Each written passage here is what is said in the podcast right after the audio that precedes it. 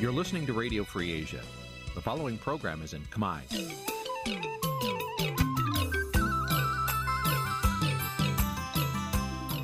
នេះជាកម្មវិធីផ្សាយវិទ្យុអាស៊ីសេរី នេះជាកម្មវិធីផ្សាយរបស់ Vithu Azisari ជាភាសាខ្មែរ វិទ្យុអាស៊ីសេរីសូមស្វាគមន៍លោកអ្នកនាងទាំងអស់ពីរដ្ឋធានី Washington នៃសហរដ្ឋអាមេរិក បាទពីរដ្ឋធានី Washington សហរដ្ឋអាមេរិកខ្ញុំបាទមេរិតសូមជម្រាបសួរលោកអ្នកនាងកញ្ញាប្រិមមអ្នកស្ដាប់ Visual Asia ស្រីទាំងអស់ជាទីមេត្រីយើងខ្ញុំសូមជូនកម្មវិធីផ្សាយសម្រាប់ព្រឹកថ្ងៃច័ន្ទ4កើតខែកដិក ឆ្នាំឆ្លូវត្រីស័កពុទ្ធសករាជ2565ដែលត្រូវនៅថ្ងៃទី8ខែវិច្ឆិកាគ្រិស្តសករាជ2021បាទជាដំបូងនេះសូមអញ្ជើញលោកអ្នកនាងស្ដាប់ព័ត៌មានប្រចាំថ្ងៃដែលមានមេត្តាដូចតទៅ ពលរដ្ឋជិត3សែននាក់ទៅចុះឈ្មោះបោះឆ្នោតក្នុងរយៈពេល25ថ្ងៃនៃដំណើរការពិនិត្យនិងចុះឈ្មោះបោះឆ្នោតឯកអគ្គរដ្ឋទូតអូស្ត្រាលីប្រចាំកម្ពុជាចង់ឃើញមាននៅកិច្ចពិភាក្សាបែបស្ថាបនានៅក្នុងដំណើរទស្សនកិច្ចរបស់ប្រមុខការទូតអូស្ត្រាលីមកកម្ពុជាខួប2ឆ្នាំមន្ត្រីជាន់ខ្ពស់បកសង្គ្រោះជាតិថាថ្នាក់ដឹកនាំគណៈបកនេះនៅតែមានបំណងវិលត្រឡប់មកកម្ពុជាវិញដោយមិនខ្លាចការគំរាមកំហែង ពលរដ្ឋខេត្តកំពតស្នើរដ្ឋាភិបាលបញ្ឈប់ក្រុមហ៊ុនថៃបនរងដែលកំពុងធ្វើអាជីវកម្មកាយថ្មភ្នំ នៅតំបន់លាងភ្នំរួមនឹងព័ត៌មានផ្សេងៗមួយចំនួនទៀតបាទជាបន្តទៅទីនេះខ្ញុំបាទមេរិតសូមជូនព័ត៌មានទាំងនេះពឹស្ដាបាឡូណានីងជាទីមេត្រីពលរដ្ឋជិត3សែននាក់បានទៅចុះឈ្មោះបោះឆ្នោតនៅក្នុងរយៈពេល25ថ្ងៃដែលគណៈកម្មាធិការជាតិរៀបចំការបោះឆ្នោត ហៅកាត់ថាកោចបបើកដំណើរការពិនិត្យបញ្ជីឈ្មោះនិងចុះឈ្មោះបោះឆ្នោតសម្រាប់ឆ្នាំ2021របាយការណ៍របស់កោចបឲ្យដឹងថាគិតចាប់ពីថ្ងៃទី12ខែតុលារហូតដល់ថ្ងៃទី7ខែវិច្ឆិកាម្សិលមិញពលរដ្ឋចុះឈ្មោះថ្មីមានចំនួនជាង280,000នាក់ចំណែកអ្នកដែលកោចបនឹងត្រូវលុបឈ្មោះចេញពីបញ្ជីបោះឆ្នោតសរុបមានជាង130,000នាក់ គូចបបានបើកដំណើរការការពិនិត្យបញ្ជីឈ្មោះនិងចុះឈ្មោះបោះឆ្នោតសម្រាប់ឆ្នាំ2021នៅទូទាំងប្រទេសរយៈពេល50ថ្ងៃដោយគ្រោងនឹងបិទបញ្ចប់នៅថ្ងៃទី30ខែវិច្ឆិកាខាងមុខប្រជាពលរដ្ឋដែលគ្រប់អាយុបោះឆ្នោតអាចទៅពិនិត្យបញ្ជីឈ្មោះនិងចុះឈ្មោះបោះឆ្នោតនៅតាមឃុំសង្កាត់ជារៀងរាល់ថ្ងៃរួមទាំងថ្ងៃសៅរ៍និងថ្ងៃអាទិត្យផងគូចបប៉ាន់ស្មានថាអ្នកចុះឈ្មោះបោះឆ្នោតថ្មីសម្រាប់ឆ្នាំ2021នេះ អាចមានចំនួនជាង1លាន6សែននាក់កម្ពុជាត្រៀមរៀបចំការបោះឆ្នោតឃុំសង្កាត់អាណត្តិទី5នៅថ្ងៃទី5ខែមិថុនាឆ្នាំ2022និងការបោះឆ្នោតជាតិជ្រើសតាំងតំណាងរាស្ត្រអាណត្តិទី7នៅខែកក្កដាឆ្នាំ2023ខាងមុខសហគមន៍ជាតិនិងអន្តរជាតិនៅតែបន្តជំរុញឲ្យកម្ពុជាបើកលំហសិទ្ធិពលរដ្ឋនិងសិទ្ធិនយោបាយឡើងវិញកែប្រែច្បាប់នានាពាក់ព័ន្ធទៅនឹងការបោះឆ្នោត កែតម្រង់និងធានាឯករាជ្យរបស់ស្ថាប័នជាតិរៀបចំការបោះឆ្នោតនេះឲ្យបាននៅមុនការបោះឆ្នោតនាពេលខាងមុខនេះបាទលោកនាងប្រិមម្នាក់ស្ដាប់ជាទីមេត្រីដំណើរគ្នានឹងការស្ដាប់កម្មវិធីផ្សាយរបស់ Visual C ស្រីតាមបណ្ដាញសង្គម Facebook និង YouTube លោកនាងក៏អាចស្ដាប់កម្មវិធីផ្សាយរបស់ Visual C ស្រីតាមរលកធារកាសខ្លីឬ Shortwave តាមកម្រិតនិងកម្ពស់ដូចតទៅនេះ ពេលព្រឹកចាប់ពីម៉ោង5កន្លះដល់ម៉ោង6កន្លះតាមរយៈរលកធារកាសខ្លី9390 kHz ស្មើនឹងកម្ពស់ 32m និង11850 kHz ស្មើនឹងកម្ពស់ 25m ពេលយប់ចាប់ពីម៉ោង7កន្លះដល់ម៉ោង8កន្លះតាមរយៈរលកធារកាសខ្លី9390 kHz ស្មើនឹងកម្ពស់ 32m និង15155 kHz ស្មើនឹងកម្ពស់ 20m បាទសូមអរគុណ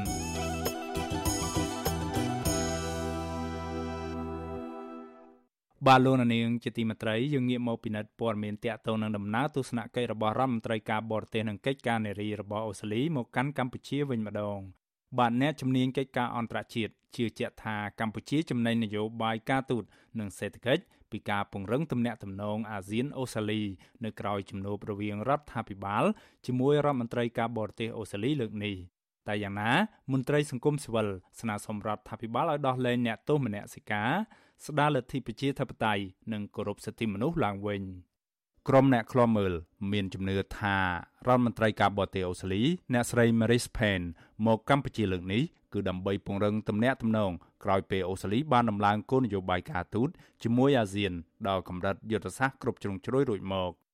អ្នកសិក្សាស្រាវជ្រាវនៃវិទ្យាស្ថានខ្មែរសម្រាប់សហប្រតិបត្តិការនិងសន្តិភាពលោកវ៉ាន់បូណាឲ្យដឹងថាអូស្ត្រាលីមានបំណងចង់ពង្រឹងទំនាក់ទំនងជាមួយកម្ពុជា ក្នុងនាមកម្ពុជាជាប្រធានអាស៊ាន ព្រោះថាអាស៊ានគឺជាតំបន់សំខាន់មួយរបស់អាស៊ីប៉ាស៊ីហ្វិកដែលអូស្ត្រាលីបានដាក់ចេញនូវយុទ្ធសាស្ត្រនិងពង្រឹងអធិបតេយ្យសន្តិសុខរបស់ខ្លួននៅក្នុងតំបន់នេះលោកបន្តថាកម្ពុជានឹងមិនខាត់បងនោះទេ ពីនយោបាយការទូតជាមួយប្រទេសអូស្ត្រាលី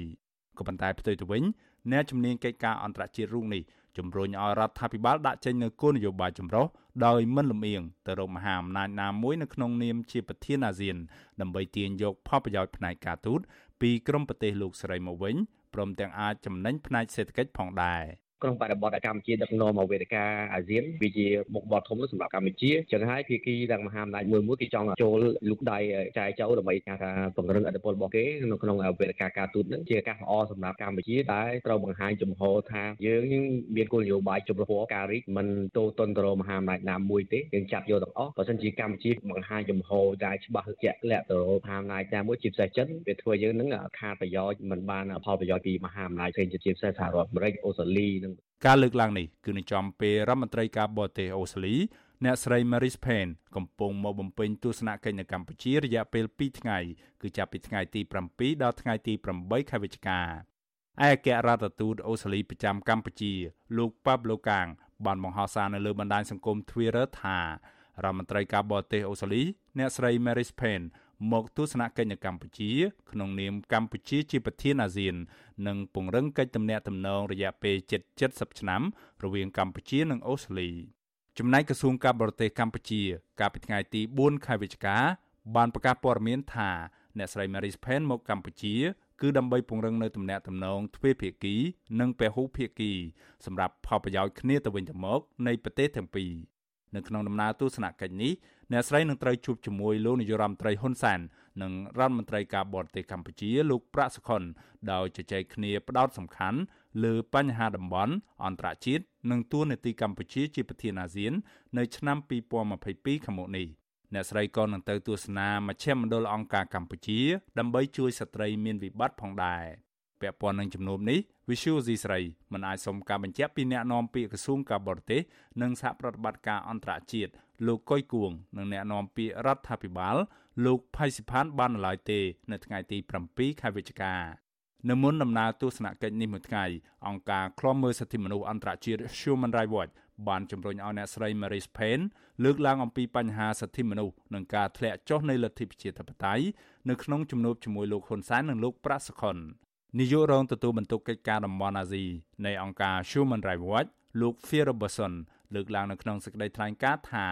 អូស្ត្រាលីត្រូវតែបញ្ជាក់ចំហឲ្យបានច្បាស់លាស់នៅក្នុងការគ្រប់គ្រងសកម្មជនសិទ្ធិមនុស្សសកម្មជនបរិស្ថាន សកម្មជនដីធ្លីសហជីពនិងអ្នកសារព័ត៌មានឯករាជ្យព្រមទាំងទាមទាររដ្ឋាភិបាលកម្ពុជាដោះលែងអ្នកទោសនយោបាយគោរពសិទ្ធិមនុស្សនិងស្ដារលទ្ធិប្រជាធិបតេយ្យឡើងវិញប្រធានសមាគមសិទ្ធិមនុស្សអាត់ហុកលោកនីសុខា ជឿជាក់ថារដ្ឋមន្ត្រីការបរទេសអូស្ត្រាលីនឹងលើកយកពីបញ្ហានេះទៅជជែកជាមួយរដ្ឋាភិបាលកម្ពុជាអ្នកខ្លាំមើលសិទ្ធិមនុស្សនៅកម្ពុជារូបនេះក៏ជំរុញឲ្យរដ្ឋាភិបាលដោះលែងអ្នកជាប់ឃុំផ្នែកនយោបាយស្ដារលទ្ធិប្រជាធិបតេយ្យនិងលើកកម្ពស់ការគោរពសិទ្ធិមនុស្សឡើងវិញដែរដើម្បីស្ដារមុខមាត់និងទទួលបានជំនួយពីបរទេសឡើងវិញ។ យើងមិនព្រមស្ដារឡើងវិញនៅស្ថានភាពប្រជាធិបតេយ្យស្ថានភាពគោរពសិទ្ធិមនុស្សហើយនៅតែពោលអះអាងដដែលដដែលអំពីបញ្ហាមិនជឿជែកមិនអីខ្ញុំគិតថាមិនមែនជារឿងចំណេញដល់ប្រទេសកម្ពុជាយើងទេជារួមមកបាទគឺអ្នកដែលខាតបង់គឺកម្ពុជាហើយអ្នកដែលរងគ្រោះមែនតើនឹងក៏ថាប្រជាពលរដ្ឋកម្ពុជានឹងតែម្ដងរយៈពេល4ឆ្នាំចុងក្រោយមកនេះរបបក្រុងភ្នំពេញបានបំផ្លាញលទ្ធិប្រជាធិបតេយ្យនិងរំលោភសិទ្ធិមនុស្សធ្ងន់ធ្ងរ តាមរយៈការរំលាយគណៈបពប្រឆាំងធំជាងគេតែមួយគត់នៅកម្ពុជានិងបង្កើនការធ្វើទុកបុកម្នេញចាប់ក្រុមអ្នកតវ៉ាឬបញ្ចេញមតិរិះគន់ដាក់ពន្ធនាគារជាច្រើនអ្នកក្រុមអ្នកខ្លាំមើលតំណាងអង្គការជាតិនិងអន្តរជាតិព្រមទាំងក្រុមអ្នកជំនាញសិទ្ធិមនុស្សនៃអង្គការសហប្រជាជាតិផង បានហៅយុទ្ធនាការបង្ក្រាបនោះថា គឺជាការបំពានសិទ្ធិរបស់ពលរដ្ឋ ពួកគេជំរុញឲ្យរដ្ឋាភិបាលបញ្ឈប់ទង្វើរំលោភសិទ្ធិមនុស្សនិងដោះលែងអ្នកជាប់ឃុំដោយសារការប្រើប្រាស់សិទ្ធិជាមូលដ្ឋានឲ្យមានសេរីភាពឡើងវិញ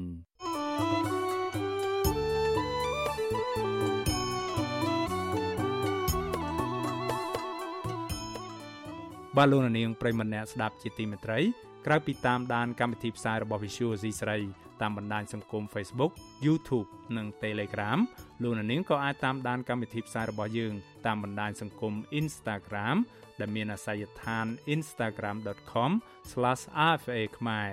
Visual C ស្រីបន្តខិតខំផ្សព្វផ្សាយព័ត៌មានពិតជូនដល់លោកនាងតាមរយៈបណ្ដាញសង្គមផ្សេងៗនិងសម្បូរបែបដើម្បីឲ្យលោកអ្នកនាងងាយស្រួលតាមដានការផ្សាយរបស់យើងគ្រប់ពេលវេលា និងគ្រប់ទីកន្លែងតាមរយៈទូរស័ព្ទដៃរបស់លោកអ្នកនាង បាទសូមអរគុណ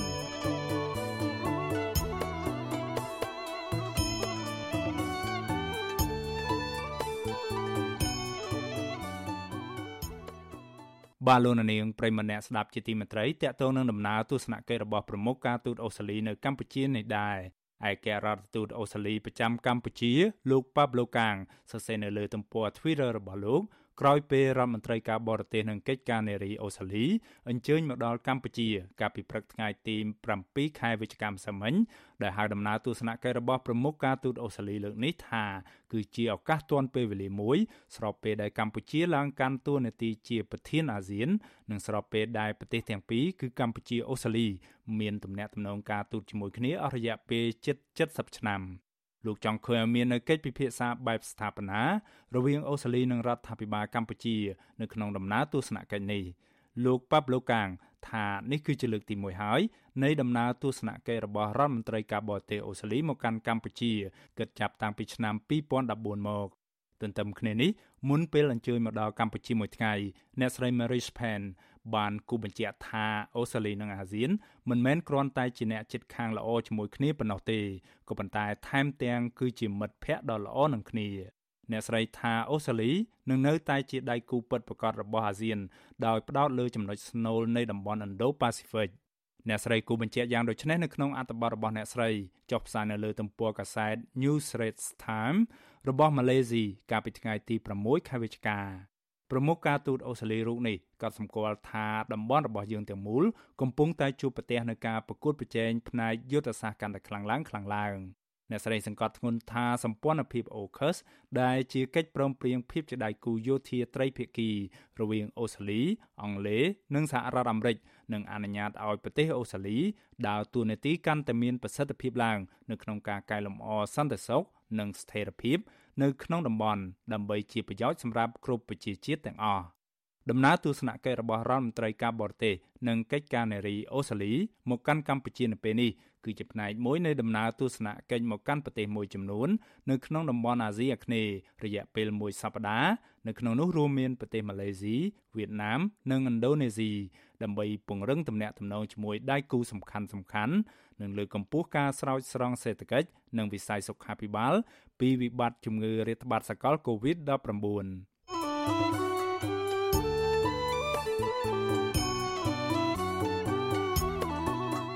បាទលោកនាងកញ្ញាប្រិមម្នាក់ស្ដាប់ជាទីមេត្រី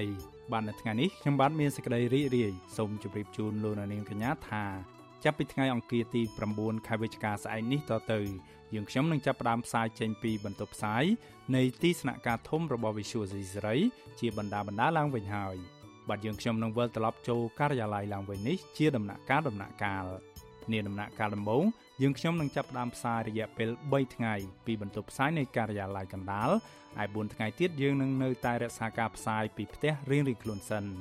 ប្រសិនបើស្ថានភាពនៃជំងឺឆ្លងសកលនេះកាន់តែធូរស្រាលយើងក៏នឹងបង្កើនការផ្សាយពីបន្ទប់ផ្សាយនៃការិយាល័យកណ្ដាលរបស់យើងឲ្យបានកាន់តែច្រើន យើងខ្ញុំទន្ទឹងរង់ចាំឱកាសនៃការបានធ្វើការជុំគ្នាឡើងវិញនេះអស់រយៈពេលជិត2ឆ្នាំមកហើយហើយយើងសង្ឃឹមថានឹងបានធ្វើការដោយផ្ទាល់ជាមួយគ្នាឡើងវិញនេះនឹងធ្វើយើងខ្ញុំងាយសហការគ្នាស្វែងរកព័ត៌មានពិតនិងបង្កើនគុណភាពនៃការផ្សាយរបស់យើងជូនដល់លោកអ្នកនាងកញ្ញាទាំងអស់បាទការផ្សាយថ្ងៃទី1ពីបន្ទប់ផ្សាយនៃការិយាល័យធំរបស់ Visual C ស្រីក៏ចំនៅថ្ងៃបុណ្យឯករាជ្យជាតិនៃប្រទេសកម្ពុជាផង ហើយក្រុមការងាររបស់យើងក៏នឹងសម្រិតសម្រាំងរៀបចំកម្មវិធីពិសេសជូនដល់លោកអ្នកនាងបាទឆ្លៀតក្នុងឱកាសនេះខ្ញុំបាទក៏សូមថ្លែងអំណរគុណដល់លោកអ្នកនាងកញ្ញាទាំងអស់ដែលបានរួមដំណើរជាមួយយើងគ្រប់កលៈទេសៈ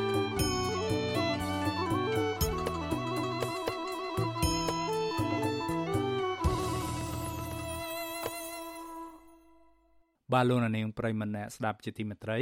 លោកអ្នកនាងកំពុងស្ដាប់កម្មវិធីផ្សាយរបស់ Visual C សេរីផ្សាយចេញពីរដ្ឋធានី Washington សហរដ្ឋអាមេរិកបាទពីខេត្តកំពតឯណោះវិញប្រជាពលរដ្ឋនៅស្រុកដងតុងចោទក្រុមហ៊ុនឈ្មោះថៃប៊ុនរងស៊ីមិន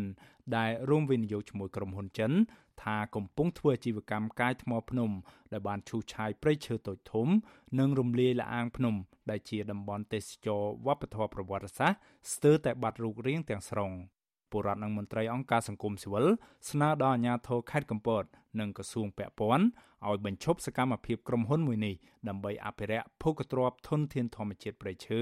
និងតំបន់ភ្នំមួយចំនួននៅទីនោះបាទពីរដ្ឋធានី Washington អ្នកស្រីសុជីវីរាយការណ៍ព័ត៌មាននេះប្រជាពលរដ្ឋរស់នៅឃុំបន្ទាយមាសខាងលិចស្រុកដងតុងខេត្តកំពតសោស្ដាយតំបន់ព្រៃភ្នំលាអាងដែលជាភ្នំថ្មកំបោរនិងជាតំបន់ភ្នំវប្បធម៌ប្រវត្តិសាស្ត្រ មានទីអារាមព្រមទាំងមានទេសភាពព្រៃឈើម្លប់បៃតងស្រស់ស្អាតកំពុងរងការបំផ្លិចបំផ្លាញធនធានព្រៃឈើនិងកាយថ្មភ្នំបន្ទាប់ពីរដ្ឋាភិបាលលោកហ៊ុនសែនផ្ដល់សិទ្ធិឲ្យក្រុមហ៊ុនឈ្មោះថៃប៊ុនរងស៊ីមិនធ្វើអាជីវកម្មថ្មភ្នំលើសពីនេះប្រជាពលរដ្ឋមូលដ្ឋាន ត្អូញត្អែពីទុកលំបាកដោយសារតែក្រុមហ៊ុនប្រើប្រាស់គ្រឿងចាក់ធំធំដើម្បីវាយកំទេចថ្មភ្នំនិងបានឈូសឆាយដីព្រៃបណ្ដាលឲ្យច្រោះដីនៅរដូវវស្សា មានលាយឡំជាតិកំបោរនិងសារធាតុគីមីហូរចូលដីកសិកម្មអ្នកភូមិបណ្ដាលឲ្យខូចខាតផលដំណាំពលរដ្ឋម្នាក់រស់នៅភូមិកណ្ដាលស្រុកដងតុងលោកយឹមសុភីបថ្លែងប្រាប់វិទ្យុអាស៊ីសេរីកាលពីថ្ងៃទី7ខែវិច្ឆិកាថា តំបន់រមណីយដ្ឋានភ្នំធម្មជាតិមួយចំនួននៅស្រុកដងតុងកំពុងរងការឈូសឆាយបំផ្លិចបំផ្លាញជាបន្តបន្ទាប់ពីសំណាក់ក្រុមហ៊ុនឈ្មោះថៃប៊ុនរងសហការជាមួយនឹងក្រុមហ៊ុនចិន និងក្រុមបុគ្គលមានលុយមានអំណាចលោកបន្តថាវត្តមានក្រុមហ៊ុនថៃប៊ុនរងមកធ្វើអាជីវកម្មថ្មភ្នំកន្លងមកនេះប្រជាពលរដ្ឋមូលដ្ឋាន មិនសប្បាយចិត្តនោះទេព្រោះមានការរំលាយភ្នំ និងឈូសឆាយដីព្រៃដើម្បីធ្វើអាជីវកម្មនេះពេលដែលមានក្រុមហ៊ុនមានអីចឹងយើងជាពលរដ្ឋហ្នឹងសូម្បីតែដឹកមកដឹកអីហ្នឹងទៅផ្ទះហ្នឹងក៏គេហាមអត់ដែរការសោកស្ដាយដែលគេធ្វើឲ្យបាត់បង់ដូចជាកន្លែងយើងធ្លាប់តែកូនចៅដេកដូនតាយើងមានថាមានប្រវត្តិភ្នំដែលមានប្រវត្តិដែលដល់ពេលក្រោយចឹងមកវាជាលក្ខណៈបុគ្គលទៅគេការបំផ្លាញទៅគេរំលាយផោះតាងចឹងទៅវាមានការសោកស្ដាយតែខណៈការសោកស្ដាយយើងមិនដឹងធ្វើម៉េចបើគេគេថាគេអភិវឌ្ឍពលរដ្ឋរូបនេះសោកស្ដាយតំបន់រមណីយដ្ឋានភ្នំលាអាងដែលធ្លាប់មានកន្លែងគោរពបូជាដូចជាទីវត្តអារាម និងកន្លែងប្រជាពលរដ្ឋតែងតែប្រតិបត្តិគោរពជំនឿត្រូវបានក្រុមហ៊ុនកំទេចដោយប្រើប្រាស់គ្រឿងចាក់ខួងយកថ្ម និងអាចដី ដែលបណ្ដាលឲ្យបាត់រូបរាងដើមស្ទើរតែទាំងស្រុងលើសពីនេះលោកជំរុញដល់អាជ្ញាធរនិងក្រសួងពាក់ព័ន្ធចុះត្រួតពិនិត្យក្រុមហ៊ុននេះ ដើម្បីធានាថាភោគទ្រព្យធនធានធម្មជាតិមិនទទួលរងការបំផ្លិចបំផ្លាញបន្ថែមទៀតស្ថាបនិកអង្គការមេដាធម្មជាតិលោក Alejandro Gonzalez Davidson សង្កេតឃើញថារដ្ឋាភិបាលលោកហ៊ុនសែនតែងផ្ដល់សិទ្ធិវិនិយោគទៅឲ្យក្រុមហ៊ុនឯកជនដែលជិតស្និទ្ធរួមមានក្រុមហ៊ុនចិនដើម្បីបំផ្លិចបំផ្លាញធនធានធម្មជាតិក្រោមលេសអភិវឌ្ឍនេះហើយបញ្ហានេះតែងតែធ្វើឲ្យពលរដ្ឋមូលដ្ឋានមិនសប្បាយចិត្ត និងមានក្តីបារម្ភពីជោគវាសនាធនធានធម្មជាតិនៅកម្ពុជាលោកបន្តថាការវិនិយោគរបស់ក្រុមហ៊ុនចិន និងអង្គការមួយចំនួននៅស្រុកខ្មែរមិនមានដំណាភាពនោះទេពីព្រោះតែមានការខົບខិតគ្នាជាមួយអ្នកមានអំណាចប្រព្រឹត្តអំពើពុករលួយជាប្រព័ន្ធទើបមិនបានគិតគូរពីសុខុមាលភាពរបស់ប្រជាពលរដ្ឋមូលដ្ឋាន និងមិនមានការទទួលខុសត្រូវលើធនធានធម្មជាតិវិធីសាស្ត្ររបស់ក្រុមហ៊ុនចិនមកប្រទេសកម្ពុជាហ្នឹងគឺរបៀបបែបជើងកាងបែបលួចលាក់មិនសូវឃើញចំណេញដល់ប្រទេសជាតិទេហើយក៏មិនសូវមានចំណេញដល់រដ្ឋទេបងពុនតិចតួចហ្នឹងមានតែ ចំណេញដល់ដល់បកគលពាក់ព័ន្ធទាំងម្ចាស់ក្រុមហ៊ុនចិនទាំងយោធាអ្នកនយោបាយនៅខ្មែរទាំង PM ដែលពាក់ព័ន្ធអានឹងចំណេញតែប្រជាជនមូលដ្ឋាននិងជាតិទាំងមូលខាតអញ្ចឹងខ្ញុំនៅតែមានសង្ឃឹមថាថ្ងៃណាមួយនឹងមានការផ្លាស់ប្ដូរវិទ្យុអាស៊ីសេរីនៅមិនទាន់អាចតាក់ទងសុំការបកស្រាយពីអ្នកនាំពាក្យសាលាខេត្តកំពតលោកវិតវឌ្ឍនានិងតំណាងក្រុមហ៊ុនថៃប៊ុនរងបាននៅឡើយទេ កាលពីថ្ងៃទី7ខែវិច្ឆិកាដោយទូរស័ព្ទហៅចូលជាច្រើនដង តែគ្មានអ្នកទទួលប៉ុន្តែនាយករដ្ឋបាលព្រៃឈើនៅខេត្តកំពត លោកជួនសារ៉ាធ្លាប់ថ្លែងប្រាប់ប្រជាពលរដ្ឋមូលដ្ឋាន នៅចំពោះមុខនាពេលកន្លងទៅថាក្រុមហ៊ុនអនុវត្តគម្រោងនេះទៅតាមទំហំដីដែលរដ្ឋាភិបាលបានកំណត់តែប៉ុណ្ណោះហើយក្រុមហ៊ុន បានធ្វើការវាតម្លៃផលប៉ះពាល់បរិស្ថានយ៉ាងច្បាស់លាស់លោកបន្តថាអាជ្ញាធរមូលដ្ឋានតែងតែចុះទៅណែនាំដល់ក្រុមហ៊ុន ធ្វើយ៉ាងណាបញ្ជាការបំផ្លិចបំផ្លាញព្រៃឈើធ្ងន់ធ្ងរនិងគិតគូរពីសុខុមាលភាពប្រជាពលរដ្ឋនៅមូលដ្ឋានជាចម្បងក្រុមហ៊ុនថៃប៊ុនរងបានដាក់ឲ្យដំណើរការរោងចក្រផលិតស៊ីម៉ងតដ៏ធំរបស់ខ្លួន ដែលរួមវិនិយោគជាមួយនឹងក្រុមហ៊ុនចិនស្ថិតនៅឃុំលាអាងស្រុកដងតុងខេត្តកំពត កាលពីខែវិច្ឆិកាឆ្នាំ2019រោងចក្រស៊ីម៉ងថៃប៊ុនរងនេះមានតម្លៃវិនិយោគជាង100លានដុល្លារអាមេរិកសាងសង់លើផ្ទៃដីទំហំជិត700ហិកតា ហើយមានសមត្ថភាពផលិតស៊ីម៉ងបានប្រមាណ2500តោននៅក្នុងមួយថ្ងៃឬស្មើនឹងជិត1លានតោននៅក្នុងមួយឆ្នាំលោកហ៊ុនសែនអះអាងនៅក្នុងពេលចូលរួមពិធីសម្ពោធរោងចក្រស៊ីម៉ងនោះថាមានការវិនិយោគនៅតំបន់នោះព្រោះនៅស្រុកដងតុងមានភ្នំជាច្រើនដែលជាវត្ថុធាតុដើមសម្រាប់ផលិតស៊ីម៉ងលោករំពឹងថាគម្រោងវិនិយោគនេះនឹងជួយជំរុញដល់សេដ្ឋកិច្ចជាតិយ៉ាងច្រើន ដូចជាផ្ដល់ការងារជូនប្រជាពលរដ្ឋ កសាងហេដ្ឋារចនាសម្ព័ន្ធសាងសង់អគារក្នុងក្រុង និងទីជនបទជាដើមជុំវិញរឿងនេះអ្នកសម្របសម្រួលសមាគមអាត60ប្រចាំខេត្តកំពតលោកយុនផល្លីព្រួយបារម្ភថាធនធានធម្មជាតិភ្នំប្រវត្តិសាស្ត្រមួយចំនួនអាចនឹងត្រូវបាត់រូបរាងនៅថ្ងៃអនាគតស្របពេលដែលរដ្ឋាភិបាលបានផ្ដល់សិទ្ធិឲ្យក្រុមហ៊ុនឯកជនធ្វើអាជីវកម្មថ្មភ្នំជាបន្តបន្ទាប់លោកសង្កេតឃើញថាការធ្វើអាជីវកម្មរបស់ក្រុមហ៊ុនកន្លងមកនេះ មិនទាន់មានការវិតម្លៃផលប៉ះពាល់បរិស្ថានឲ្យបានត្រឹមត្រូវនៅឡើយ ដែលនាំឲ្យមានការបំផ្លាញធនធានព្រៃឈើនិងប៉ះពាល់ទៅដល់ប្រជាពលរដ្ឋនៅក្នុងមូលដ្ឋានពេលដែលមានអាជ្ញាប័ណ្ណខ្ញុំគិតថាអាជ្ញាធរមូលដ្ឋានដាក់ក្រោមប្រហែលជា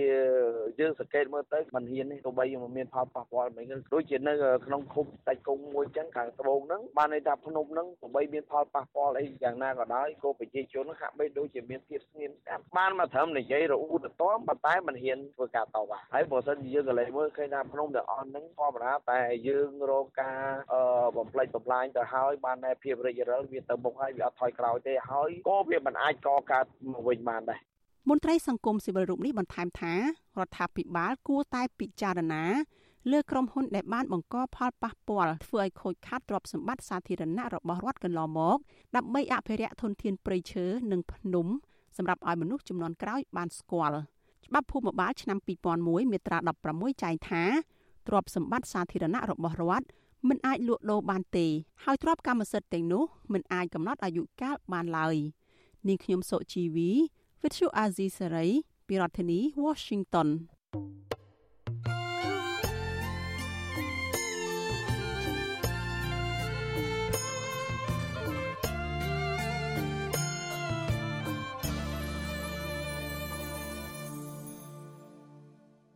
បាទលោកនាងប្រិមម្នាក់ស្ដាប់ជាទីមេត្រី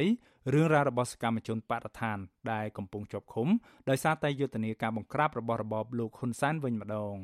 បានក្រុមគ្រួសារសកម្មជនបរិស្ថានខកចិត្តជាខ្លាំងចំពោះតឡាការនៃរបបលោកហ៊ុនសែនដែលសម្រេចបន្តឃុំខ្លួនសកម្មជនបរិស្ថាន3នាក់គឺលោកថនរដ្ឋាកញ្ញាលងកុនធា និងកញ្ញាភួនកែវរស្មី នៅក្នុងសំណុំរឿងថ្មី គឺរួមគំនិតក្បត់មួយទៀត ពួកគាត់យល់ថាការបន្តឃុំខ្លួនលើសកម្មជនបរិស្ថានទាំងនេះនឹងធ្វើឲ្យពួកគេរងនៅភាពអយុត្តិធម៌បន្ថែមទៀតពីសំណុំរឿងចាស់គណៈសកម្មភាពរបស់ពួកគេកន្លងមក គឺដើម្បីការពារផលប្រយោជន៍សាធារណៈតែប៉ុណ្ណោះបាទលោកជាតិចំណានរាយការណ៍ព័ត៌មាននេះ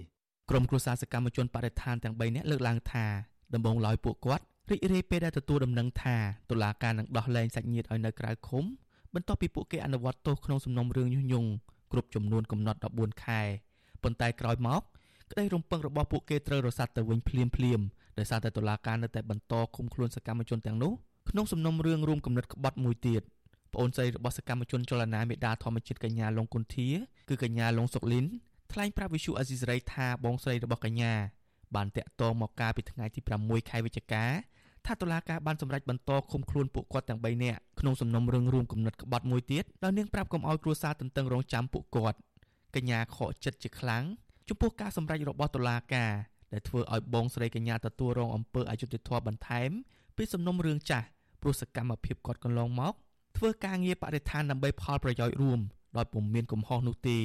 កញ្ញាស្នើយ៉ាងទទូចឲ្យតុលាការ ទម្លាក់ចោលការចោទប្រកាន់និងដោះលែងបងស្រីនិងសកម្មជនបដិឋានដទៃទៀតឲ្យមានសេរីភាពវិញសំតែច្រើនចោលបត់ចោលនឹងតែម្ដងហើយលែងគាត់ឲ្យមានសេរីភាពហើយឥឡូវហ្នឹងបែរជាគាត់ចេញអត់បានហើយបែរជាចោលបត់ថ្មីបន្តឃុំខ្លួនគាត់ទៀតនេះវារត់ទៅរឿងអយុត្តិធម៌បន្តទៀតពីពោះបងស្រីរបស់ខ្ញុំអីតែនេះគាត់ចាប់បងស្រីខ្ញុំហើយចោលបងស្រីខ្ញុំថារួមពិនិត្យក្បត់ទៀតទាំងតែគាត់នៅក្នុងពន្ធនាគារហ្នឹងហើយគាត់ទៅធ្វើស្អីដែលថាក្បត់នឹងជាតិ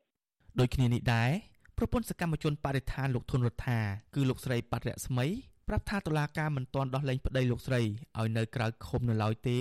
គណៈក្រុមគ្រួសារកំពុងទន្ទឹងរង់ចាំទាំងក្រៀមក្រំប្រពន្ធសកម្មជនបរិស្ថានរូបនេះឲ្យដឹងថាប្តីលោកស្រីត្រូវបានតុលាការសម្រេចបន្តឃុំខ្លួនក្នុងសំណុំរឿងផ្សេងមួយទៀតគឺបទរួមគំនិតក្បត់ដែលសាលាដំបងរាជធានីភ្នំពេញបានដាក់ការចោទប្រកាន់កាលពីខែមិថុនា ចំពេលប្តីលោកស្រីជាប់ពន្ធនាគារក្នុងសំណុំរឿងញុះញង់ជាមួយនឹងសកម្មជន2នាក់ទៀតលោកស្រីចាត់ទុកការបន្តឃុំខ្លួននេះជារឿងអយុត្តិធម៌និងជាចាប់បំផុតសម្រាប់សកម្មជនបដិឋានដែលលះបង់ដើម្បីបុព្វហេតុពលរដ្ឋនិងសង្គមទោះជាយ៉ាងណាថ្ងៃច័ន្ទនេះលោកស្រីនឹងយកកូនទៅរងចាំប្តីនៅមុខពន្ធនាគារម្ដងទៀត។ ខំទៅយកកូនពីស្រុកអីមកដើម្បីទទួលពេលយើងទៅដល់ពន្ធនាគារអីទៅយើងបានចូលសួរមន្ត្រីទៅស្រាប់តែលើដំណឹងថាមានឯកាមានអីទេហើយប្រហែលជាជាប់ករណីថ្មីហ្នឹងមានអារម្មណ៍ថានិយាយលេងចេញហ្មងប្រវាក់នឹងធ្វើចិត្តហ្មងគឺខកចិត្តមែនតើស្វាមីអត់បានចេញមកមានសេរីភាពវិញវិសុវស៊ីស្រីមិនអាចតាក់ទងแนะនាំពាក្យសាលាដំបងរាជធានីភ្នំពេញលោកអ៊ីរិនដើម្បីសាកសួរបន្ថែមជុំវិញរឿងនេះបានទេនៅថ្ងៃទី7ខែវិច្ឆិកា ប៉ុន្តែអ្នកនាំពាក្យអគ្គនាយកដ្ឋានពន្ធនាគារនៃក្រសួងមហាផ្ទៃលោកនុតសាវណ្ណាប្រាប់វិសុអសីស្រីថាសកម្មជនបដិឋានទាំង3នាក់មិនទាន់ដោះលែងឲ្យនៅក្រៅឃុំទេដោយសារតែពួកគេជាប់សំណុំរឿងមួយទៀតលោកបញ្ជាក់ថាខាងលោកក៏មិនទាន់ទទួលបានដីកាសម្រេចឲ្យដោះលែងពីតុលាការនៅឡើយដែរមកពីគាត់នៅសល់សំណុំរឿងមួយករណីទៀតហ្នឹងបត់រួមគំនិតក្បត់ហ្នឹងដែលវាមិនទាន់ដោះស្រាយហើយហ្នឹងអញ្ចឹងយើងដោះលែងទៅកើតបើអត់មានដីកាបង្គាប់ឲ្យដោះលែងផង អាញាធររបបលោកហ៊ុនសែនបានចាប់ខ្លួនលោកធុនរដ្ឋាកញ្ញាលងគុន្ធានិងកញ្ញាភួនកែវរស្មី កាលពីដើមខែកញ្ញាឆ្នាំ2020ពាក់ព័ន្ធនឹងគម្រោងធ្វើយុទ្ធនាការទាមទារអរដ្ឋាភិបាលបញ្ឈប់លុបបឹងតមោកស្លាដំបងរាជធានីភ្នំពេញបានផ្ដន់ទាទោសពួកគេទាំង3នាក់ឲ្យជាប់ពន្ធនាគារពី18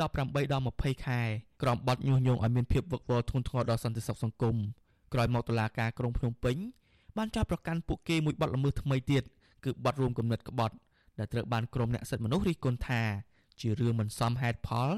និងមិនត្រឹមត្រូវតាមគោលការណ៍ច្បាប់ កាលពីថ្ងៃទី5ខែវិច្ឆិកាប្រធានក្រុមប្រឹក្សាជំនុំជម្រះសាឡាវតូភ្នំពេញលោកយុនណារងបានប្រកាសសាលដីកាដោយកាត់តម្រឹមទោសមួយឆ្នាំ2ខែដែលពួកគេនឹងត្រូវដោះលែងនៅថ្ងៃទី5នោះតែម្ដងក្រុមគ្រួសារសាច់ញាតិរបស់ពួកគេបាននាំគ្នារងចាំនៅខាងមុខពន្ធនាគារប៉ុន្តែទីបំផុតពួកគេមិនបានដោះលែងនោះឡើយមេធាវីការពារក្តីឲ្យយុវជនបដិឋានទាំង3នាក់ គឺលោកសំសុគងថ្លែងថារយៈពេលជាង5ខែមកហើយដែលសំណុំរឿងរួមគំនិតក្បត់នេះស្ថិតក្នុងដំណាក់កាលស៊ើបអង្កេតរបស់ចៅក្រមនៃសាលាដំបងរាជធានីភ្នំពេញនៅឡើយលោកសង្កេតឃើញថាការស៊ើបអង្កេតនិងការបើកសវនាការជំនុំជម្រះសំណុំរឿងថ្មីនេះហាក់យឺតយ៉ាវដែលធ្វើឲ្យប៉ះពាល់ដល់សិទ្ធិកូនក្តីរបស់លោកលោកសំសុគងយល់ថាប្រសិនបើតាមច្បាប់រយៈពេលឃុំខ្លួនបណ្ដោះអាសន្នពី4ទៅ6ខែដែលពួកគេជិតផុតដែរដូច្នេះបើតុលាការបន្តឃុំខ្លួន ត្រូវមានសេចក្តីសម្រេចសម្អាងហេតុផលណាមួយដើម្បីបន្តឃុំខ្លួនបណ្ដោះអាសន្នប៉ុន្តែមកដល់ពេលនេះក្រមមេធាវីនិងកូនក្តីរបស់លោកមិនបានទទួលដំណឹងពីការបិទការស៊ើបសួរឬបន្តឃុំខ្លួននៅឡើយទេទោះជាយ៉ាងណាក្រមមេធាវីនឹងដាក់លិខិតស្នើសុំឲ្យពួកគាត់បាននៅក្រៅឃុំបណ្ដោះអាសន្ននិងបន្តស្នើសុំឲ្យចៅក្រមស៊ើបសួរទម្លាក់បទចោទប្រកាន់ដល់សកម្មជនទាំង3នាក់នោះ។ ចោតថ្មីតកតងរួមមិត្តក្បត់ហ្នឹងពួកគាត់ទាំង3ហ្នឹងគឺកំពុងស្ថិតនៅក្នុងពន្ធនាគារតកតងបាត់ចោតទី1គឺតកតងបាត់ញុះញង់ហើយគាត់អត់មានពេលក្នុងការមកប្រព្រឹត្តនៅបាត់មើលតកតងនឹងរួមមិត្តក្បត់ដែលជាបាត់មួយទី2ទេបើយើងពិនិត្យអំពីគោលការណ៍ច្បាប់ជាពិសេសគឺគោលការណ៍មួយដែលចែងនៅក្នុងក្រមនីតិទីព្រំប្រទានហ្នឹងគឺតកតងនឹងពាក្យថាអញ្ញាអស់ជំនុំបានថាការចោតប្រកាន់ជនណាមួយនៅក្នុងកម្មភាពឬក៏អង្គហេតុមួយហើយហើយมันអាចយកមកចោតប្រកាន់នៅក្នុងលើកទី2នៅក្នុងអង្គហេតុដូចគ្នាឬក៏ពេលវេលាដូចគ្នាទេជុំវិញរឿងនេះនាយករងទទួលបន្ទុកផ្នែកខ្លំមើលសិទ្ធិមនុស្សនៃអង្គការលីកាដូលោកអំសំអាតថាកន្លងមកសង្គមស៊ីវិលតែងតែធ្វើយុទ្ធនាការទៀមទីឲ្យតុលាការទម្លាក់ចោលការចោទប្រកាន់ទៅលើសកម្មជនបដិថាននិងសង្គមទាំងអស់ព្រោះសកម្មភាពរបស់ពួកគេគ្រាន់តែអនុវត្តសិទ្ធិជាមូលដ្ឋាន ដើម្បីចូលរួមកិច្ចការងារបរិស្ថាននិងសង្គមលោកថាបើតុលាការបន្តឃុំខ្លួនសកម្មជនទាំង3នាក់ទៀតនឹងធ្វើឲ្យសហគមន៍ជាតិនិងអន្តរជាតិ រិះគន់អំពីការរដ្ឋបិទសិទ្ធិសេរីភាពការគម្រាមកំហែងលើសេរីភាពជាមូលដ្ឋានរបស់ពលរដ្ឋបទចោតប្រកាន់ថ្មីទាក់ទងនឹងរួមគំនិតក្បត់ទៅលើពួកគាត់នេះហាក់បីជាបង្កើនស្ថានទម្ងន់ក្នុងការដាក់សម្ពាធឬក៏ការគេបសង្កត់រដ្ឋបិទទៅលើសេរីភាពជាមូលដ្ឋានរបស់ក្រមយុវជនទាំងអស់ហ្នឹងក្នុងការចូលរួមកិច្ចការងារសង្គមការងារបរិស្ថានទេហើយក៏ជាសារដែលគម្រាមកំហែងបំភ័យទៅដល់យុវជនដទៃទៀត មន្ត្រីសង្គមស៊ីវិលនិងគ្រួសារសកម្មជនទាំងនោះអំពាវនាវឲ្យតុលាការពន្យាដោះលែងសកម្មជនសង្គមសកម្មជននយោបាយបរិស្ថាននិងសិទ្ធិមនុស្សផ្សេងទៀតឲ្យបានឆាប់ព្រោះការបន្តគុំខ្លួនទៀតនេះគឺជាការរំលោភសិទ្ធិមនុស្សនិងការរំលោភច្បាប់ធ្ងន់ធ្ងរខ្ញុំបាទជាចំណាន Visual Assisray ពីរដ្ឋធានី Washington បាទលោកនាងប្រិមម្នាក់ស្ដាប់ជាទីមេត្រីថ្ងៃទី9ខែវិច្ឆិកាស្អែកនេះគឺជាខួប2ឆ្នាំនៃការប៉ុនប៉ងមិនបានសម្រេចនៃការធ្វើមេត្តាភូមិនិវត្តរបស់លោកសំរាស៊ីប្រធានស្ដីទីគណៈបកសង្គ្រោះជាតិរបបលោកហ៊ុនសែនបានប្រើប្រាស់គ្រប់វិធីដើម្បីបិទផ្លូវអ្នកនយោបាយដ៏មានឥទ្ធិពលរូបនេះមិនឲ្យវិលត្រឡប់ចូលមកស្រុកកំណើតវិញបានឡើយតើថ្នាក់ដឹកនាំគណៈបកនេះនៅតែមានបំណងវិលត្រឡប់មកកាន់កម្ពុជាវិញឬយ៉ាងណានៅក្នុងកលៈទេសៈបែបនេះ បាទលោកនាងនឹងបានស្ដាប់សេចក្តីរាយការណ៍ពិស្ដារជុំវិញរឿងនេះនាពេលបន្តិចទៀតនេះ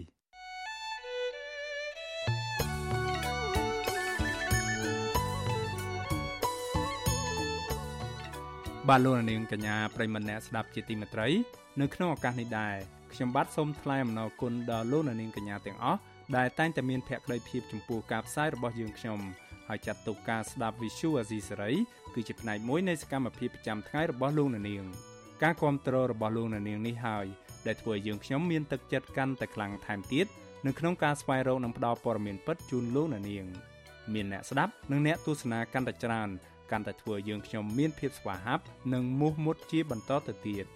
បាទយើងខ្ញុំសូមអរគុណទុកជាមុនហើយសូមអញ្ជើញលោកនាងកញ្ញាចូលរួមជំរុញឲ្យសកម្មភាពផ្តល់ព័ត៌មានពិតរបស់យើងខ្ញុំនេះ កាន់តែជោគជ័យបន្ថែមទៀតលោកនាងអាចជួយយើងខ្ញុំបានដោយគ្រាន់តែចុចចែករំលែកឬ share ការផ្សាយរបស់យើងខ្ញុំនៅលើបណ្ដាញសង្គម Facebook និង YouTube ទៅកាន់មិត្តភ័ក្តិដើម្បីឲ្យការផ្សាយរបស់យើងបានទៅដល់មនុស្សកាន់តែច្រើន បាទសូមអរគុណ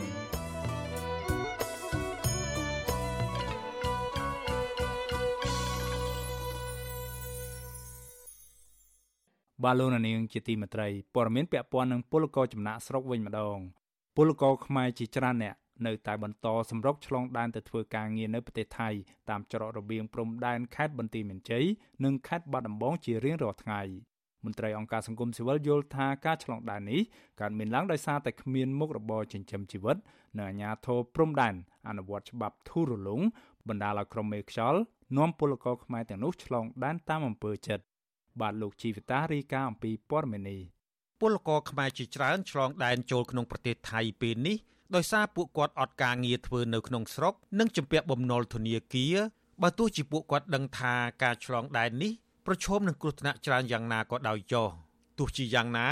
មន្ត្រីសង្គមស៊ីវិលថាអាញាធរពពាន់ក៏មិនគួរបណ្ដោយឲ្យពួកគាត់ឆ្លងដែនទាំងប្រថុយប្រឋានបែបនេះឡើយមន្ត្រីផ្នែកការពារសិទ្ធិពលករចំណាក់ស្រុកនៃអង្គការសង្ត្រាល់ប្រចាំនៅប្រទេសថៃ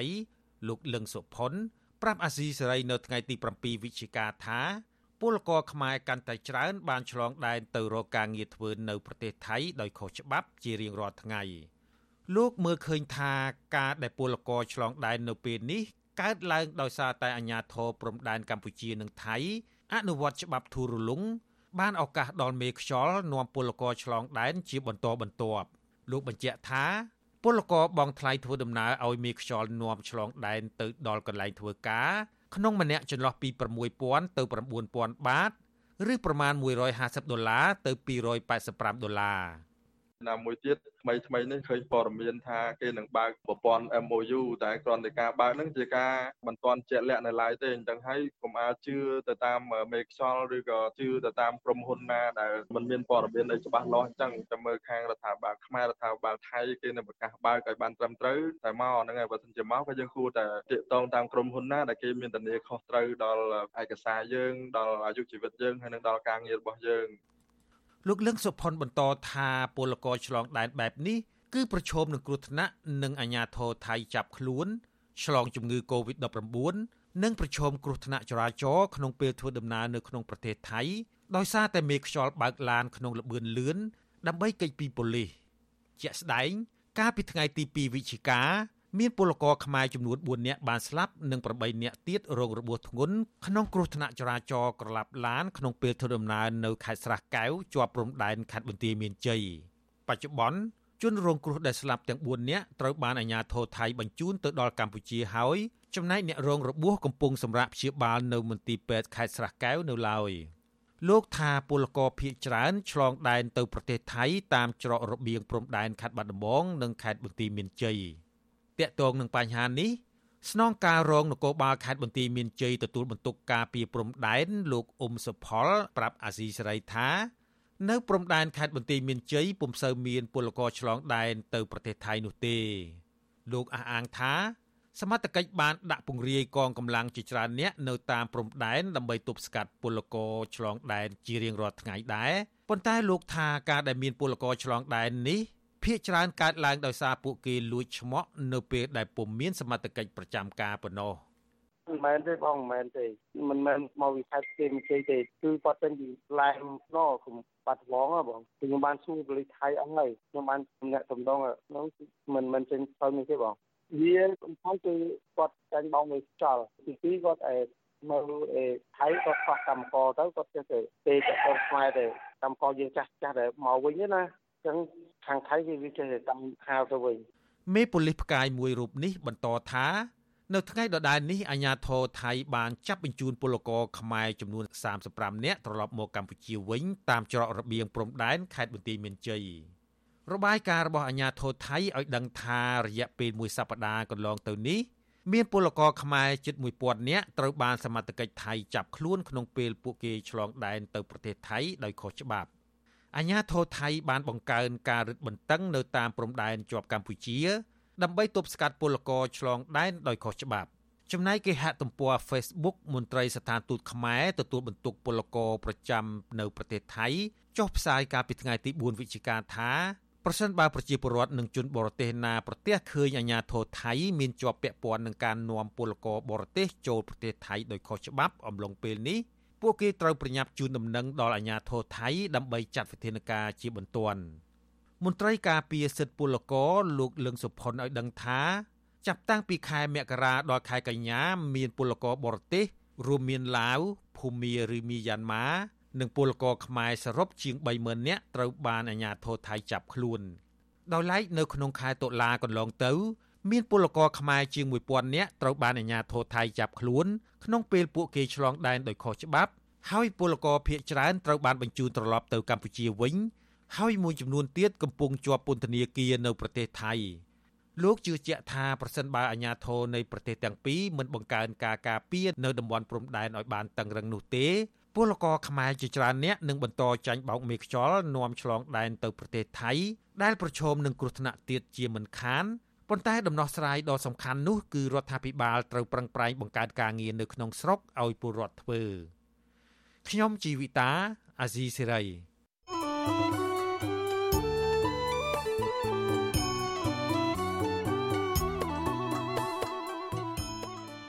បាទលោកនាងប្រិមម្នាក់ស្ដាប់ជាទីមេត្រីក្រៅពីតាមដានកម្មវិធីផ្សាយរបស់ Visual C ស្រី តាមបណ្ដាញសង្គម Facebook YouTube និង Telegram លោកនាងក៏អាចតាមដានកម្មវិធីផ្សាយរបស់យើង តាមបណ្ដាញសង្គម Instagram ដែលមានអាសយដ្ឋាន instagram.com/rfa ខ្មែរ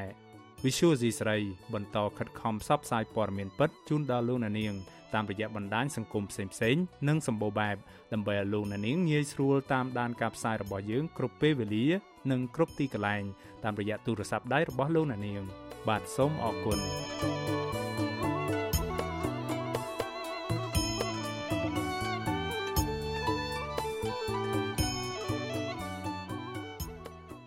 បាទលោកនាងជាទីមេត្រីព័ត៌មានពាក់ព័ន្ធនឹងការឆ្លងនិងស្លាប់ដោយសារជំងឺ Covid-19 វិញម្ដង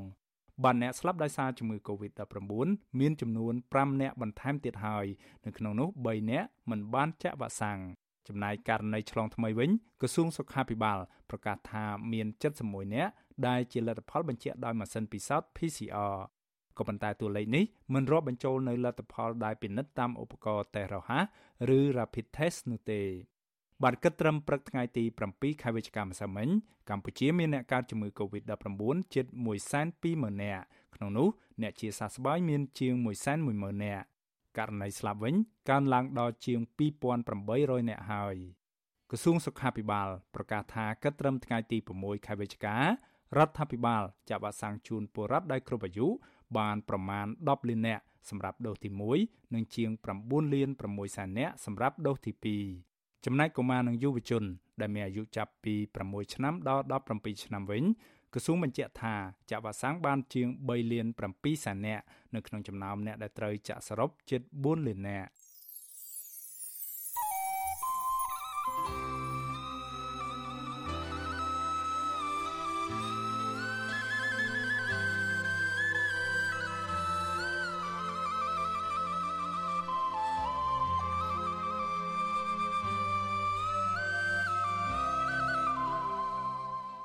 បាទលោកនាងប្រិមម្នាក់ស្ដាប់ជាទីមេត្រីថ្ងៃទី9ខែវិច្ឆិកាស្អែកនេះគឺជាខួប2ឆ្នាំនៃការប៉ុនប៉ងធ្វើមេត្តាភូមិនិវត្តរបស់លោកសំរងស៊ីប្រធានស្ដីទីគណៈបកសង្គ្រោះជាតិ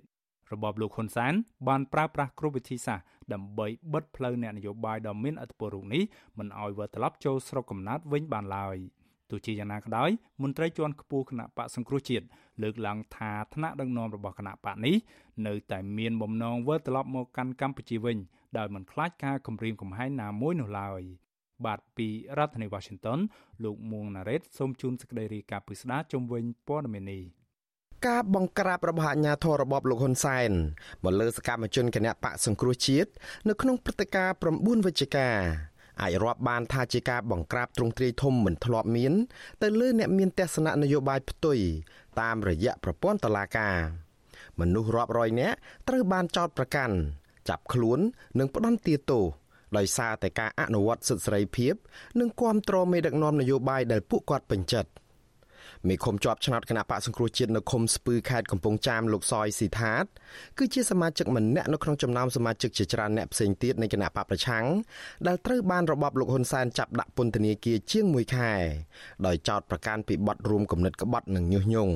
លោកឲ្យដឹងថាអង្គហេតុដែលនាំឲ្យគេចាប់ខ្លួននិងចោទប្រកាន់រូបលោក មិនមែនដោយសារតែលោកបានប្រព្រឹត្តបទល្មើសអ្វីនោះទេ តែគឺដោយសារតែលោកបានជួបជុំគ្នាហូបនំបញ្ចុកសាមគ្គី និងគាំទ្រគម្រោងមាតុភូមិនិវត្តរបស់លោកសំរងស៊ីលោកសយស៊ីថាតថ្លែងទៀតថាការបង្ក្រាបរបស់អាជ្ញាធរលើប្រជាពលរដ្ឋនៅក្នុងព្រឹត្តិការណ៍9វិច្ឆិកាមានលក្ខណៈប្រហែលគ្នាទៅនឹងព្រឹត្តិការណ៍រដ្ឋប្រហារឆ្នាំ1997គ្រាន់តែមួយប្រើអាវុធនិងមួយទៀតប្រើប្រព័ន្ធតុលាការ ចាប់យកទៅដាក់គុកទាំងអយុត្តិធម៌គ្រួសារត្រូវបានចំណាយថវិកាដើម្បីទៅឲ្យប្តីនឹងបាននៅក្នុងគុកនឹងបានហូបបានឆ្ងាញ់បានអីវាខាតបងច្រើននិយាយចំទៅព្រឹត្តិការណ៍វាសាហាវប្រហែលគ្នាគ្រាន់តែមួយគុកមួយគឺគុកអត់ចិញ្ចាំងគុកមួយធ្វើបាបយើងដោយគេថាទរណកម្មផ្លូវកាយនិងផ្លូវចិត្តអាមួយទៀតគឺថាសម្លាប់ដោយបាត់បង់ជីវិតអានឹងវាប្រហាក់ប្រហែលគ្នាទេជាសិទ្ធិជាមនុស្សការស្លាប់ហើយនិងការបាត់សេរីភាពនេះគឺប្រហែលគ្នាដូចមនុស្សស្លាប់ដូចគ្នាដែរបាទដំណើរមាតុភូមិនិវត្តរបស់លោកសំរងស៊ីកាលពីថ្ងៃទី9ខែវិច្ឆិកាឆ្នាំ2019មិនបានសម្រេចគោលដៅនោះទេដោយសារតែរបបលោកហ៊ុនសែនបានរារាំងគ្រប់រូបភាព មានទាំងការចល័តតបតាមបណ្ដោយព្រំដែននិងទីក្រុងភ្នំពេញ ការហាមឃាត់ក្រុមហ៊ុនយន្តហោះមិនឲ្យដឹកលោកសំរងស៊ីមកកម្ពុជាព្រមទាំងការស្នើសុំឲ្យប្រទេសថៃកុំអនុញ្ញាតឲ្យមេបកប្រឆាំងរូបនេះចុះទឹកដីថៃជាដើមជាងនេះទៅទៀតរបបលោកហ៊ុនសែនបានបើកយុទ្ធនាការទ្រង់ទ្រាយធំកម្ចាត់សកម្មជនបកប្រឆាំងនៅក្នុងស្រុក អាជ្ញាធរបានចាប់ខ្លួនអ្នកគាំទ្រដំណើរវិលចូលស្រុកវិញរបស់លោកសំរងស៊ី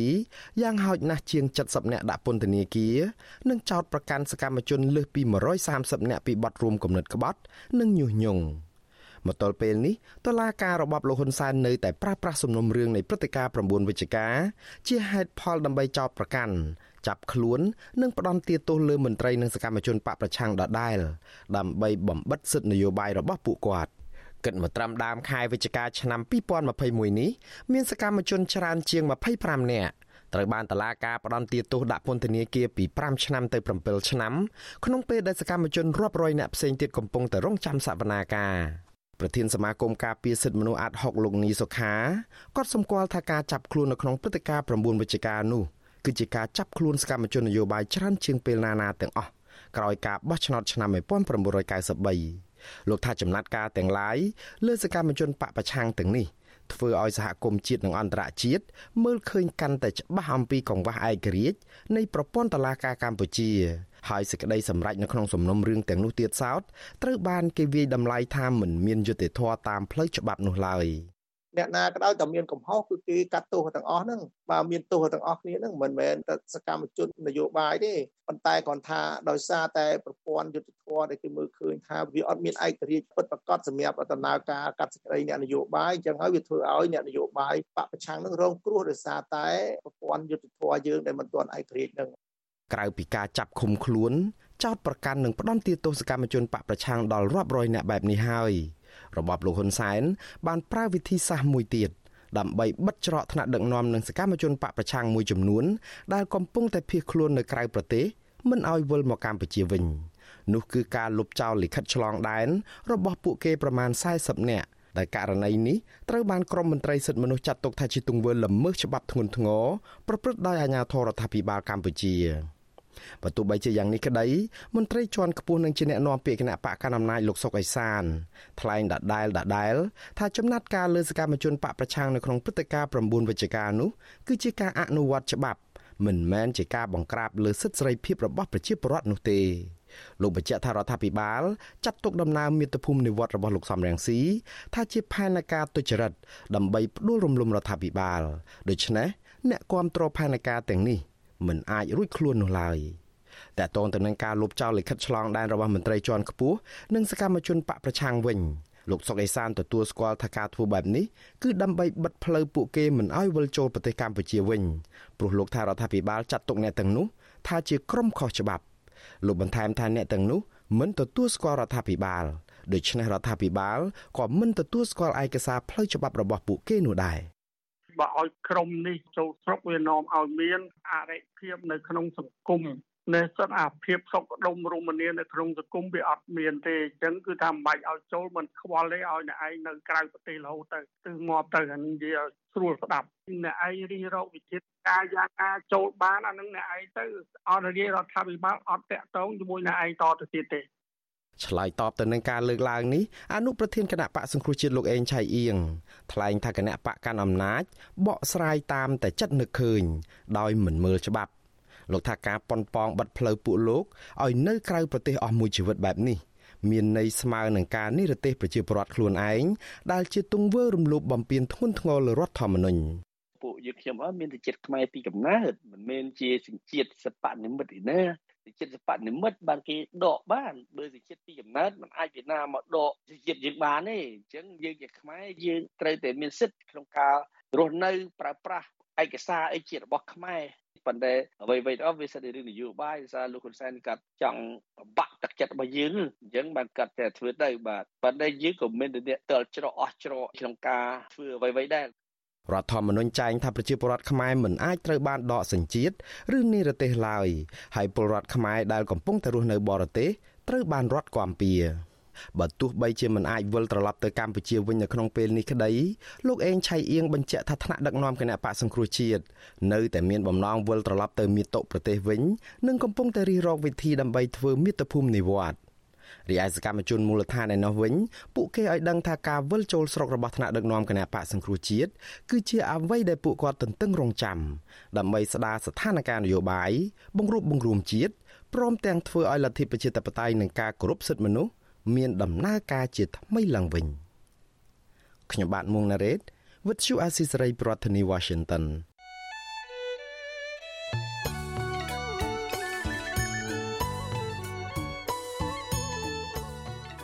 បាទលោកនាងកញ្ញាប្រិមម្នាក់ស្ដាប់ជាទីមេត្រីនៅក្នុងឱកាសនេះដែរខ្ញុំបាទសូមថ្លែងអំណរគុណដល់លោកនាងកញ្ញាទាំងអស់ដែលតែងតែមានភក្ដីភាពចំពោះការផ្សាយរបស់យើងខ្ញុំហើយចាត់ទុកការស្ដាប់ Visual Asia សេរីគឺជាផ្នែកមួយនៃសកម្មភាពប្រចាំថ្ងៃរបស់លោកនាងការគ្រប់គ្រងរបស់លោកនាងនេះហើយដែលធ្វើឲ្យយើងខ្ញុំមានទឹកចិត្តកាន់តែខ្លាំងថែមទៀតនៅក្នុងការស្វែងរកនិងផ្តល់ព័ត៌មានពិតជូនលោកនាង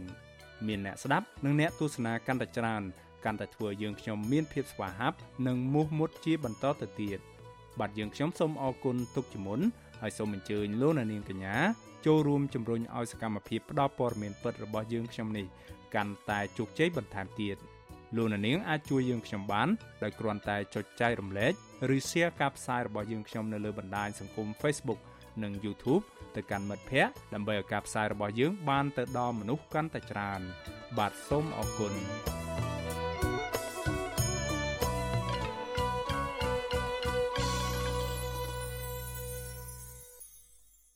បាទលោកនាងប្រិមម្នាក់ស្ដាប់ជាទីមេត្រីក្នុងព័ត៌មានដែលដライមួយទៀតគ្រួសារអ្នកការពារបរិស្ថាន លោកថនរដ្ឋាកាន់តែជួបប្រទះនៅជីវភាពកាន់តែលំបាកលំបិនខ្លាំងក្រោយរូបលោកជាប់ឃុំនៅក្នុងពន្ធនាគារអស់រយៈពេលជាង1ឆ្នាំមកនេះប្រពន្ធរបស់លោកបាននាំកូនទៅរស់នៅពឹងផ្អែកលើម្ដាយបង្កើតនៅឯស្រុកកំណើតនៅក្នុងខេត្តកណ្ដាលរីឯមន្ត្រីអង្គការសង្គមស៊ីវិលស្នើឲ្យតុលាការដោះលែងលោកថនរដ្ឋា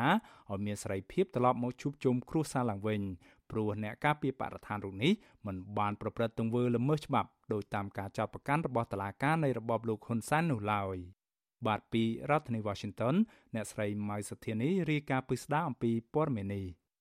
រយៈពេលជាង1ឆ្នាំមកនេះប្រពន្ធអ្នកការពារបរិស្ថានលោកថនរដ្ឋាគឺលោកស្រីបរស្មី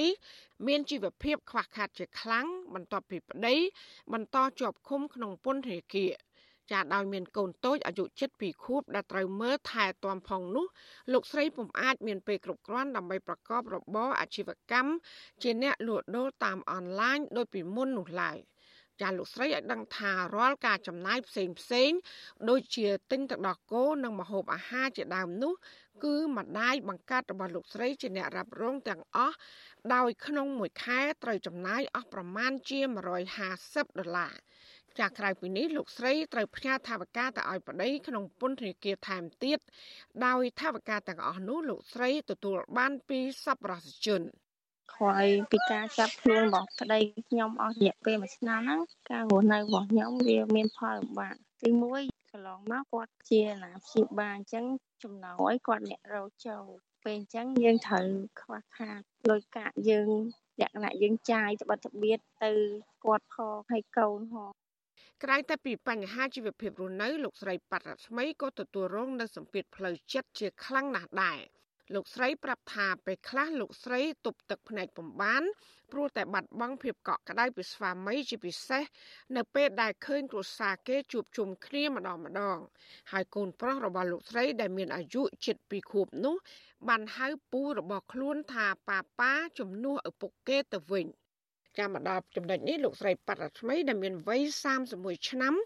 បាននិយាយដោយសម្ដីអួរដើមកថាមេដឹកនាំរបបបច្ចុប្បន្នចេះស្រឡាញ់ក្រុមគ្រួសាររបស់ខ្លួនក៏ប៉ុន្តែបែរជាពង្រត់គ្រួសាររបស់លោកស្រីនិងសកម្មជនដទៃទៀតទៅវិញ។គេចាប់គាត់ទៅវងខ្ញុំយំជាងគេពេលដែរគេគេដាក់ខ្នោះប្តីខ្ញុំឡើងតឡាការខ្ញុំ មានអារម្មណ៍ឈឺចាប់មែនតើហ្មងអាហ្នឹងទៅវងដល់ពេលក្រោយមកពេលប្រជុំពេលអីហ្នឹងបនទៀនចូលឆ្នាំអីហ្នឹងពេលដែលអត់មានប្តីអញ្ចឹងមានអារម្មណ៍ថាឯកាម៉ែហេតុអីក៏គ្រួសារគេជួបជុំគ្នាខ្លួនឯងអត់បានជួបជុំគ្រួសារអាញាធររបបក្រុងភ្នំពេញ បានចាប់ខ្លួនសកម្មជនបរិស្ថានលោកថនរដ្ឋា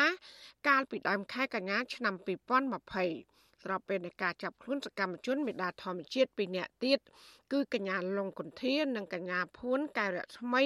ពាក់ព័ន្ធនឹងគម្រោងដើរដោយសន្តិវិធីពីវត្តភ្នំទៅភូមិគ្រឹះរបស់លោកនាយករដ្ឋមន្ត្រីហ៊ុនសែនដើម្បីនិយាយពីផលប៉ះពាល់នៃការលុបបង្តមោកនៅជ័យរាជធានីភ្នំពេញ តឡាការក្រុងភ្នំពេញបានផ្តន្ទាទោសលោកធនរដ្ឋាដាក់ពន្ធនាគារ20ខែខណៈសកម្មជនពីរនាក់ទៀតត្រូវបានផ្តន្ទាទោសដាក់ពន្ធនាគារ18ខែ ពីបទញុះញង់បង្កឲ្យមានភាពវឹកវរធ្ងន់ធ្ងរដល់សន្តិសុខសង្គម សាលាឧទ្ធរភ្នំពេញបានសម្រេចព្យួរទោសលោកថនរដ្ឋារយៈពេល6ខែ និងដាក់ឲ្យស្ថិតក្រោមការត្រួតពិនិត្យរយៈពេល3ឆ្នាំថែមទៀត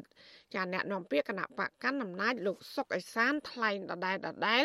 ថាការផ្ដន់ទោសកម្មជនមេដាធម្មជាតិនេះគឺជាការអនុវត្តច្បាប់ចាចំពោះបញ្ហាជីវភាពរបស់គ្រួសារលោកថនរដ្ឋាវិញ លោកថានេះគឺជារឿងបុគ្គលមិនពាក់ព័ន្ធបញ្ហាផ្លូវច្បាប់នោះឡើយ គាត់ដែលថារាជរដ្ឋាភិបាលបបែកពិបាកគ្រួសារហើយប្រមុខរាជរដ្ឋាភិបាលចេះស្រឡាញ់គ្រួសារគេស្រឡាញ់ហើយគឺប្រមុខរាជរដ្ឋាភិបាលលោកមានតែធ្វើខុសហើយក៏ប៉ុន្តែយើងនេះដែលថាស្រឡាញ់គ្រួសារក៏ប៉ុន្តែយើងទៅតែពិតប្រព្រឹត្តលើមើលច្បាប់បានស្ដីថាយើងអត់ស្រឡាញ់គ្រួសារយើងទេចាប់ផ្ទុយពីការបកស្រាយរបស់មន្ត្រីជាន់ខ្ពស់គណៈបកកាន់អំណាចនេះមន្ត្រីអង្គការសង្គមស៊ីវិលលើកឡើងថា លោកថនរដ្ឋាមិនបានប្រព្រឹត្តបទល្មើសអ្វីឡើយហើយការដាក់ទោសអ្នកការពារបរិស្ថានរូបនេះគឺជារឿងមិនត្រឹមត្រូវនិងអយុត្តិធម៌ជាប្រធានផ្នែកកម្មវិធីស្រាវជ្រាវនិងតស៊ូមតិនៃសមាគមបណ្ដាញយុវជនកម្ពុជាលោកហេងកំហុងយល់ឃើញថាលោកថនរដ្ឋានិងសកម្មជនបរិស្ថានដទៃទៀត គ្រាន់តែអនុវត្តនៅសិទ្ធិសេរីភាពបញ្ចេញមតិនិងធ្វើសកម្មភាពការពារបរិស្ថានត្របតាមច្បាប់ចាលោកអំពីនីវដល់តឡាការឲ្យទម្លាក់ប័ណ្ណចោតលើសកម្មជនបរិស្ថានទាំងអស់រួមទាំងលោកថនរដ្ឋាផងដែលជាជនបង្គោលក្នុងគ្រួសារឬជាទីជំរកដ៏កក់ក្ដៅសម្រាប់ប្រពន្ធរបស់គាត់ ចំណូលត្រូវបានបាត់បង់ហើយគួរឲ្យសោកសង្វេគបំផុតនោះគឺកូនគ្មានឪពុកហៅបើទោះបីជាឪពុកនៅរស់រានមានជីវិតប្រពន្ធឲ្យរស់នៅប្រតាស់ពីប្តីអឺនេះគឺជាការបង្ហាញឲ្យឃើញពីភាពសោកសង្វេគមួយនៅក្នុងវិស័យសិទ្ធិមនុស្សនៅក្នុងប្រទេសកម្ពុជាហើយនិងវិស័យយុត្តិធម៌ផងដែរ ចំពោះករណីសកម្មជនបរិស្ថាននៃចលនាមេដាធម្មជាតិនេះតឡាកាមិនត្រឹមតែមិនទម្លាក់ចោលបទចោតប្រកាន់នោះទេប៉ុន្តែ ថែមទាំងចោតប្រកាន់ពួកគេ មួយបទល្មើសថ្មីទៀតចាតឡាកាក្រុងភ្នំពេញចោតប្រកាន់លោកថនរដ្ឋាកញ្ញាឡុងគុន្ធា និងកញ្ញាភួនកែវរថ្មីពីបទរួមកំណត់ក្បត់ ដែលប្រឈមនឹងការជាប់ពន្ធនាគាររហូតដល់10ឆ្នាំ។ ប្រពន្ធលោកថនរដ្ឋាលោកស្រីប៉ាត់រថ្មីបានថ្កោលទោសចំពោះការបន្ថែមបទចោទថ្មីនេះនឹងទាមទារដល់តុលាការទម្លាក់ចោលរាល់បទចោទនិងដោះលែងប្តីលោកស្រីនិងសកម្មជនដទៃទៀតឲ្យមានត្រីភាពឡើងវិញ។ ខ្ញុំអំពាវនាវឲ្យរដ្ឋាភិបាលក៏ដូចជាតឡាការគួរតែច្រានចោលនៅបទចោលប្រកាន់ទៅកុំឲ្យទេយើងនឹងកាន់តែអាម៉ាស់ទៀតយុវជនដែលស្រឡាញ់បរិស្ថានដែលស្នេហាជាតិដែលស្រឡាញ់សង្គមហ្នឹងគួរតែបានការកោតសរសើរឬក៏បានពៀនអីសម្រាប់ពួកគាត់មិនមែនចាត់ចងពួកគាត់ដោយបែបនេះទេក្រុមអង្គការសង្គមស៊ីវិលជាតិ អន្តរជាតិស្ថានទូតប្រទេសប្រជាធិបតេយ្យនិងក្រុមអ្នកជំនាញសិទ្ធិមនុស្សអង្គការសហប្រជាជាតិក៏បានអំពាវនាវយ៉ាងទទូចដល់របបលោកហ៊ុនសែនឲ្យទម្លាក់ចោលបទចោទប្រកាន់និងដោះលែងសកម្មជនមេដាធម្មជាតិព្រមទាំងសកម្មជនដទៃទៀតឲ្យមានត្រីភាពវិញជាបន្ទាន់ ចាជាមួយគ្នានេះពួកគេក៏ជំរុញរដ្ឋាភិបាលលោកហ៊ុនសែនបញ្ឈប់ការធ្វើបាបក្រុមអ្នកការពារបរិស្ថាន ដោយងាកទៅគ្រប់សិទ្ធិរបស់ប្រជាពលរដ្ឋនិងលើកទឹកចិត្តឲ្យយុវជនចូលរួម ក្នុងការងារការពារបរិស្ថានឲ្យបានទូលំទូលាយឡើងវិញចាននាងខ្ញុំម៉ៃសុធានីវិទ្យុអាស៊ីស្រីប្រធានាធិបតី Washington បាទលោកនាងប្រិមម្នាក់ស្ដាប់ជាទីមេត្រី ដំណើរគ្នានឹងការស្ដាប់កម្មវិធីផ្សាយរបស់ Visual C ស្រីតាមបណ្ដាញសង្គម Facebook និង YouTube លោកអ្នកនាងក៏អាចស្ដាប់កម្មវិធីផ្សាយរបស់ Visual C ស្រីតាមរលកធារកាសខ្លីឬ Shortwave តាមកម្រិតនិងកម្ពស់ដូចតទៅនេះពេលព្រឹកចាប់ពីម៉ោង5កន្លះដល់ម៉ោង6កន្លះតាមរយៈរលកធារកាសខ្លី9390 kHz ស្មើនឹងកម្ពស់ 32m និង11850 kHz ស្មើនឹងកម្ពស់ 25m ពេលយប់ចាប់ពីម៉ោង7កន្លះដល់ម៉ោង8កន្លះតាមរយៈរលកធារកាសខ្លី9390 kHz ស្មើនឹងកម្ពស់ 32m និង15155 kHz ស្មើនឹងកម្ពស់ 20m បាទសូមអរគុណ